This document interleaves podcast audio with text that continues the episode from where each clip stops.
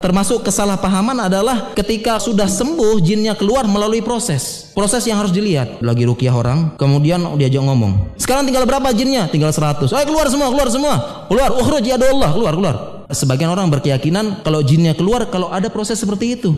Dari mana kamu tahu dia keluar? Kenapa kamu langsung percaya? Sembuh dari jin itu ndak usah pakai proses kayak begitu.